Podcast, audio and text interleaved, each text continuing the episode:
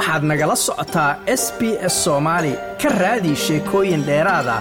S b s com au xariijin soomaali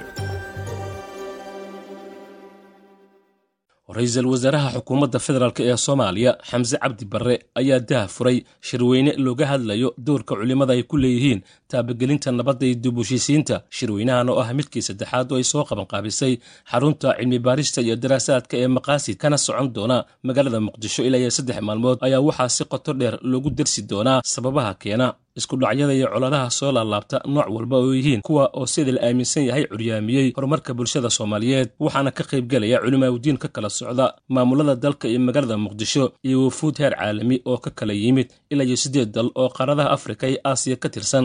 Waxaana ugu horrayntii halkaasi ka hadlay guddoomiyaha golaha sare ee markaskaasi maqaasid xildhibaan doctor maxamed sheekh axmed. Xaruntaasi waxay u taagan tahay sida ereyga maqaasid nuxurkiisa uu soo koobayo ujeedooyinka waaweyn ee ilaah subxaana wa tacaala noo abuuray noloshan oo dhanna inay jaangooyaan la rabo. Sidii bal la isu qabadsiin lahaa isdiidayaal isdiidanayaal badan oo nolosha ka jira.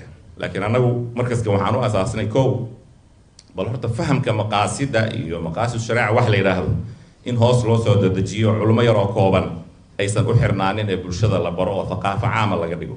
Thaqaafo caama in laga dhigo aqoon-yahanada iyo awsaada oo dhan loo soo dejiyo waxaan rabaa shirkan wixii waxa looga hadlayay iyo waxa ka soo baxayay waxaas o dhan kutubtay ku yaalaan aada uguma sii wareegaya laakiin waxaa la rabaa arrinta dib u heshiisiinta dhinaca halbeega ama zaawiyada culumanimada in laga fiiriyo halkaa laga fiiriyo si kaalinta ay leeyihiin loo dardargeliyo loogu bedelo wax la camaliyeyn karo oo la taaban kara waaqac maxay ku sameynayaan loogu bedelo shaqadaasayna qabanaysaa. Shan iyo labaatan waraaqood oo cilmi baaris ah ayaa la soo bandhigay oo hortiina taala. Guddoomiyaha maxkamadda sare ee dalka garyaqaan baashe yuusuf axmed oo halkaasi ka hadlay ayaa waxa uu bogaadiyey dadaalka markaskaasi uu ku bixinayo sidii wax looga bedeli lahaa nolosha bulshada soomaaliyeed. Tii waxaa rabaa inaan bogaadiyo marka koowaad macadka ee xarunta iyo guddoomiyaheeda oo sida uu inoo sheegay ah xarun isku xilqaantay oo u istaagtay inay waktigooda aqoontooda maskaxdooda iyo maalkooda ay isugu geeyaan sidii ay dadkan noloshooda iyo habnololeedkooda wax uga bedeli lahaayeen. Runtii kulankan oo halkudhigiisu yahay doorka culimada ee taabagelinta nabadda iyo dib u heshiisiintu micno weyn buu ummadda soomaaliyeed u leeyahay.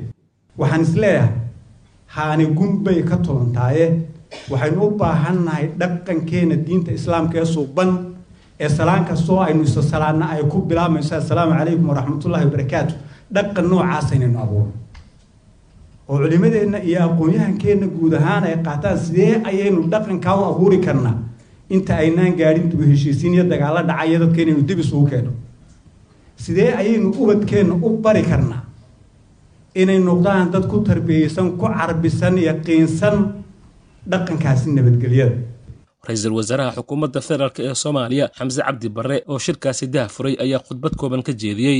Waxaan ammaanayaa runtii doctor maxamed xaaji oo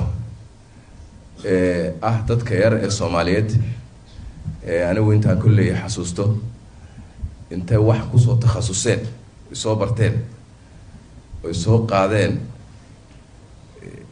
dalka keenay habeen iyo maalin waxay u taagan yihiin inay mashruucaas haddaan ka hadlayno oo ah inxiraafka ummadda ku dhacay. Halkan irsaa salaamkaas ay hob inay midda dambe ay noqoto.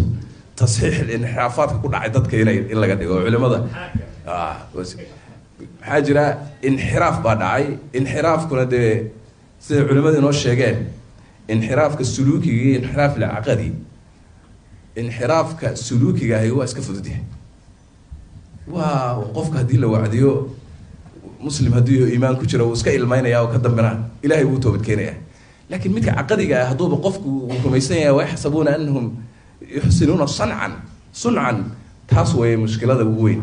Haddiiba qofku aaminsan yahay waxaan rumaysan yahay inuu saxsan yahayna aaminsan yahay midkaan la toosin karin kaas wey waa midka qarxaya kaas wey dhibaatada taas wey marka waxa ugu horreeya in u baahannahay oon mu'asasaadkeenna islaamiga ahi loo baahan yahay inay ka taxsiiniyaan dadkeenna ama ka duraan ka tallaalaan waa fikirka khatarta ah ra'iisul wasaaraha ayaa dhanka kale waxa uu ka hadlay sida lagu yarayn karo khilaafaadka bulshada dhexdoodii gaar ahaan midka mar weliba soo kala dhex gala madaxda sare ee dowladda isaga oo rajeeyey in golaha baarlamanka soomaaliya ay la qaadan doonaan hanaanka ay ku doonayaan doorashada xigta ee laba xisbi madaxweyne iyo madaxweyne ku-xigeen islamarkaana laga kaaftoomo booskii ra'iisul wasaaraha. Laakiin anaa aragtiyaedu aan qaadanay waxaa weeye waan ka fiirinay maxaa dadka isku soo dhaweyn kara maxaana khilaafka madaxda sare yarayn kara intaas labadaas qodob khilaafka madaxda sare maxaa yarayn kara weligeed soomaaliya waxay soo ahayd laga soo bilaabay lixdankii. Muddadii ay civilianku xukumayeen waxay ahayd nidaamka baarlament yani isku isku dhaf. Parliamentarian saxna ma aha. Presidential waxa la yidhahdo saxna ma aha. Nidaamka talyaaniga u eg oo hybrid la yidhahdo isku jira ayuu ahaa kaas oo keenaya marka mar walba in la isku dheganaado oo khilaaf jiro oon dhinaca loo kala dhicin la yska lusho. Marka waxaan dhahnay warkan sidan inaguma anfacay. Laakiin inay sidaas noqoto ayaan anagu aragnay. Waxaan u aragnay inuu khilaafku yaraanayo. Midda labaadna waa midka ah in xisbiyada la yareeyo oo laba xisbi. Marka hore cid waliba xisbigay rabta ha samaysato. Laakiin marka ugu dambeysa in criteria la dejiyo ay qasab noqonayso inay laba xisbi isugu imaadaan. Si dadka wax la isugu daro soomaalida haddii kale mid waliba lax orgi ri geel reerkooda magac sumadii reerkooda u samaysanaya deedna wax dadkani ay isu yihiinba ma dhacayso. Federaalku weyna sii kala fogeeyey. Haddii aan haddana dhahno siyaasadda kalena aan noocaa samayno way sii kala fogaanaysaa jilib waliba xisbigu isugu tegayaa. Marka dadkuba nin qof walba qof wax u ah ama qof wax isugu darsan maba jiraba marka waxaan dadka soomaaliyeed aan wax isugu darno siyaasadda isugu darno wax isla yeeshaan. Waxay keenaysaa inay wax wada yeeshaan inay walaalo noqdaan midnimo marka waxaan anagu axsaabtii iska anagoo tajribo horena ka faa'iidaysanayn. Inaan axsaabta faraha laga qaadin oo ay ay noqoto axsaab kooban oo oo oo maxaan ku dhahaa. Adduunyadana waan fiirinaynay oo dhinac badan baan ayaan ka eegaynay.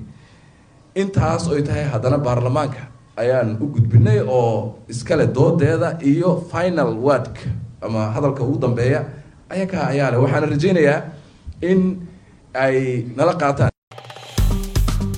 Like aas la wadaag wax ka dheh lana soco barta facebooka ee sb s